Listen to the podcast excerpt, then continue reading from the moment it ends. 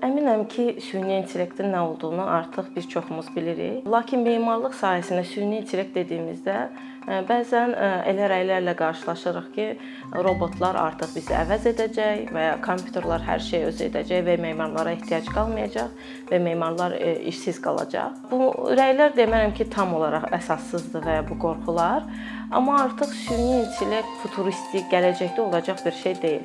Bu artıq bizim həyatımızın içindədir. Bir çox sahələrdə, məsələn, marketinq sahəsi buna nümunədir. Məncə hamımız fikir vermişik ki, bir bəzən olur ki, elə reklamlar çıxır qarşınıza, fikirləşirsiniz ki, mənim fikrimi oxudu bu. Hətta bunlar hamısı süni intellekt üzərində qurulmuş sistemlərdir.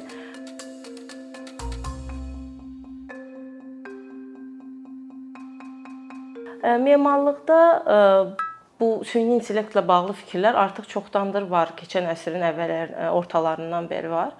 Amma bu daha praktik tətbiq olaraq bu son 10-15 il ərzində başlayıb istifadə olunmağa və ya araşdırılmağa memarlar tərəfindən.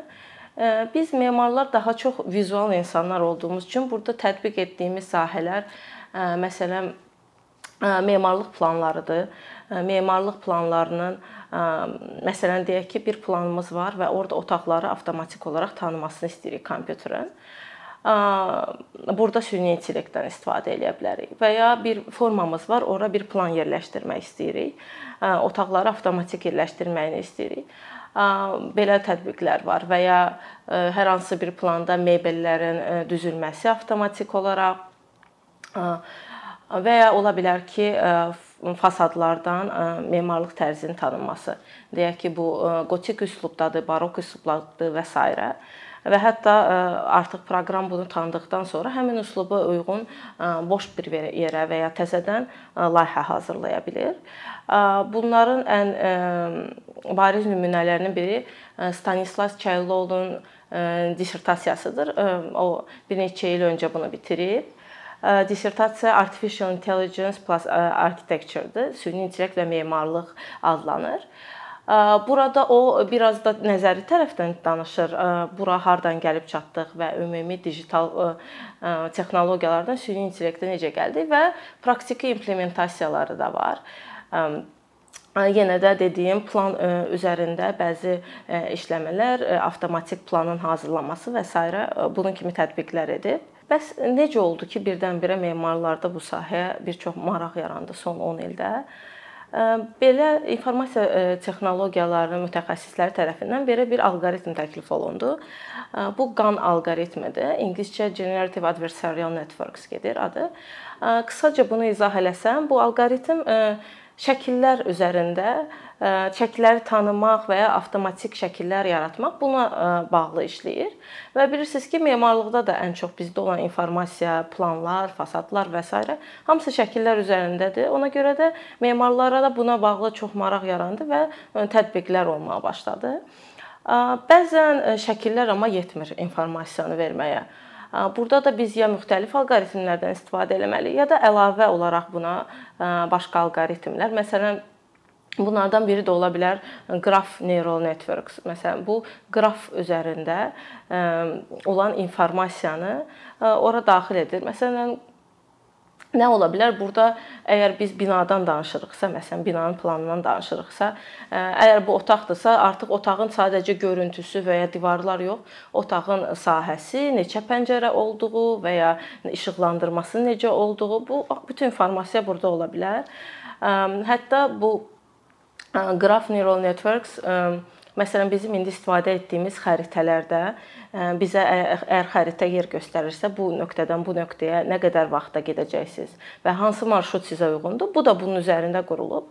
Ona görə bu xəritələrdə istifadə olunan sistem şəhər salmaya da istifadə oluna bilər eyni şəkildə. Amma alqoritmin hansı alqoritm olduğundan başqa burada ən önəmli şey bu alqoritmə yüklədiyimiz verilənlərdir. Yəni bura yüklədiyimiz informasiyadır. Bunu biz necə filtrləyirik və hansı informasiyanı yükləyirik? Əgər siz alqoritmə məsələn səhv çəkilmiş planlar və ya pis keyfiyyətdə bina yükləsəz, sabah alqoritmin bizə yaratdığı və proqnozlaşdırdığı informasiya da eyni keyfiyyətdə olacaq. Yəni keyfiyyətsiz olacaq. və ya limitli informasiya yükləsək. Deyək ki, biz ora yükləmişik sadəcə 5 otaqlı binalar. Və bundan sonra maşın və kompüter elə biləcək ki, sadəcə dünyada 5 otaqlı bina var və biz onu yükləməsək o heç bir yerdə bu informasiyanı əldə edə bilməyəcək, öyrənə bilməyəcək. John Gero adlı bir araşdırmaçının vebinarına qatılmışdım. Bu araşdırmacı keçən əsrin ortalarından 60-cı illərdən başlayıb bu süni intellektə bağlı yazılar yazmağa. Hətta o vaxt bu populyar deyildi. Hətta onun 88-ci ildə yazılmış Süni intellekt və mühəndislik adlı kitabı belə var və o bir öz təcrübəsini danışdı. Bunun e, praktiki implementasiyası ilə bağlı. Onların belə bir layihələri var idi. Avstraliyalı məşhur bir memarın e, layihələrini götürmək və kompüterə elə öyrətmək ki, bu layihələri təzədən e, yenidən onun tərzində yeni layihələr yaratmağa. Və bu uğurlu oldu. Yeni layihələr yarada bildilər. Daha sonra rəy bildirmək üçün e, bu e, layihələri həmin o memara göstərdilər. E, sizin yaratdığınız layihələrə uyğundur, uyğun deyil bunu öyrənmək üçün. Həmin memar da dedi, bəli, bu uyğundur, oxşuyur, amma e, mən filan şeyi belə eləməzdim, burada bu şeyi belə eləməzdim və e, bəzi səhvləri e, söylədi. Bunlar da dedi, bax, amma sizin daha öncəki layihələrinizdə və onları göstərdilər. Dedilər, burada etmisiniz, burada belə etmisiniz və burada da belə etmisiniz. O da dedi, bəli, etmişəm layihələrdə, amma artıq fikrimi dəyişmişəm, çünki gördüm ki, bu artıq bu həll düzgün işləmir burada. Burada belə problemlər çıxdı. Yəni burada o nəyə gətirir? Əgər siz verdiyiniz informasiyada yetərli deyilsə və sadəcə vizualdırsa, nəticədə olan səhvlər də elə qalacaq və əgər sizin fikrinizdə bir informasiya varsa və onu yükləməsinizsə doğru şəkildə proqrama, o artıq proqram onu öyrənməyəcək və bir tərəfdən də bu limitlidir. Əgər memarların yaradıcı prosesində, çünki memarlığın yaradıcılıq prosesi daima inkişaf edən və dəyişən prosesdir. Və burada süni intellektin tam e, istifadəsi və ya tam memarın yerini əvəz eləməsi limitlidir. Ona görə fikrimcə mənim bu yaradıcılıq prosesindən də isə daha başqa proseslərdə istifadəsi süni intellektin daha uyğun olar. Əgər yaradıcılıq prosesində istifadə ediriksə, bunu çox gözəl düşünməli. Bizim əhatə dairəmiz nədir və biz harda dayanacağıq? Hara qədər bizə kömək edəcək bu kompüter? Bundan başqa artıq bizə faydalı olduğu yerlər də var süni intellektin memarlıq sahəsində. Məsələn, biri daha çox marketinqə yaxın olan, məsələn, alqı-satqı sahəsidir və ya deyək ki, siz bir bina tikirsiniz və bunu harda sizə daha çox gəlir gətirəcəyini düşünmək istəyirsiniz. Burada sizə süni intellekt bunu proqnozlaşdırmağa kömək edə bilər. Və ya məsələn hansı yer bizə daha uyğun ola bilər və ya binanın ölçüsü necə olsun və s. Bunu siz marketinq cəhətdən süni intellektin istifadəsi ilə proqnozlaşdıra bilərsiniz. İkinci bizə texnoloji cəhətdən də çox köməkdir. Bunlardan biri deyə bilərəm ki, bərpa sahəsində işləyən memarlar bunu daha çox bilir. Bərpada istifadə olunan texnologiyalardan biri də lazer skanninqdir. Bu bir aparatdır və bizə ətraf mühiti skan edir, binanı və ya otağı. Və burada o bizə modeli nöqtə şəklində hazırlayır. Yəni bu bir nöqtələr, nöqtə buludu deyilir buna. Bu nöqtə buludunun üzərində sonra işləmək biraz çətin olur onda model yaratmaq və orada anlamaq hansı divardır və elementlər necədir və uzun vaxt alan prosesdir. Burada bəzi araşdırmacılar o həmin bulud nöqtə buludundan səthələri anlamaq üçün məsələn harda düz səth var, harda necə həndəsə var, bunları anlamaq üçün avtomatik olaraq istifadə edirlər. Amma bu biraz yavaşdır. Niyə? Çünki memarlıq sahəsində çox açıq verilənlər, yəni açıq data yoxdur. Hansını ki biz götürə bilərik. Çünki süni intellekt bəzən minlərlə informasiya, minlərlə verilənlər tələb edir yaxşı öyrənmək üçün. Buna görə bu biraz gecikir. Bundan başqa da bir çox sahədə istifadə oluna bilər. Məsələn, binanın davamlılığını əgər ölçmək istəyirsinizsə, bu binanın karbon ayaq izi məsələn nə qədərdir və ya enerji nə qədər sərf edəcək bu ildə. Bunları analizlərdə də etmək olar. Amma biz burada süni intellekti iki vəziyyətdə istifadə edirik.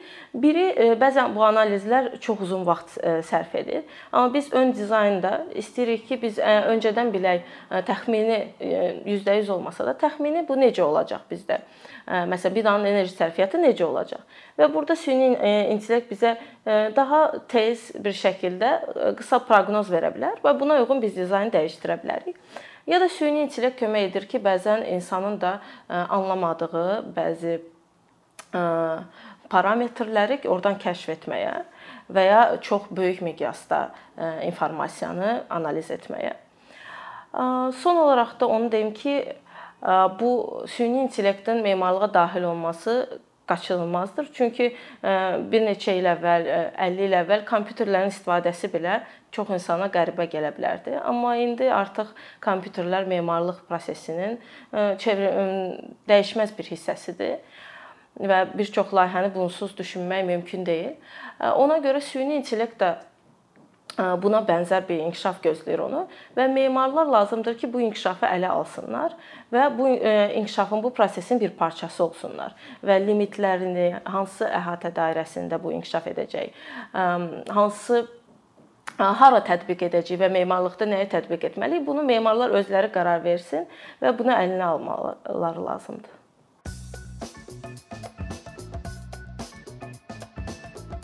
Bir neçə ildir ki, əkinçi olaraq Azərbaycanlı izləyicilərin hər zaman faydalana biləcəyi keyfiyyətli və ən əsas ödənişsiz kontent hazırlamağa çalışırıq. İndiyədək təqdim etdiyimiz onlarla animasiya və yüzlərlə çəkilişlər tələbələrin, mütəxəssislərin, müəllimlərin və ümumiyyətlə yeni mövzulardan xəbərdar olmaq istəyən çox sayda insanın marağına səbəb olub. Bu illər ərzində hazırladığımız videolar təhsil, texnologiya, ictimai fəallıq, iqtisadiyyat, gender bərabərliyi, ətraf mühit, ifadə ifadə azadlığı, hüquq, demokratik inkişaf, mədəniyyət və digər mövzuları əhatə edib. Məqsədimiz çoxlu baxış gətirən deyil, çoxlu fayda gətirən videolar hazırlamaqdır. Amma bu düşündüyümüz qədər asan deyilmiş. Gördüyümüz iş kifayət qədər resurs, əmək və təbii ki, davamlılıq tələb edir. Bu səbəbdən Patreon platformasından istifadəyə başladıq. Əkinçinin Patreon hesabının populyarlaşmasına çox böyük ümidlərimiz və gözləntilərimiz var.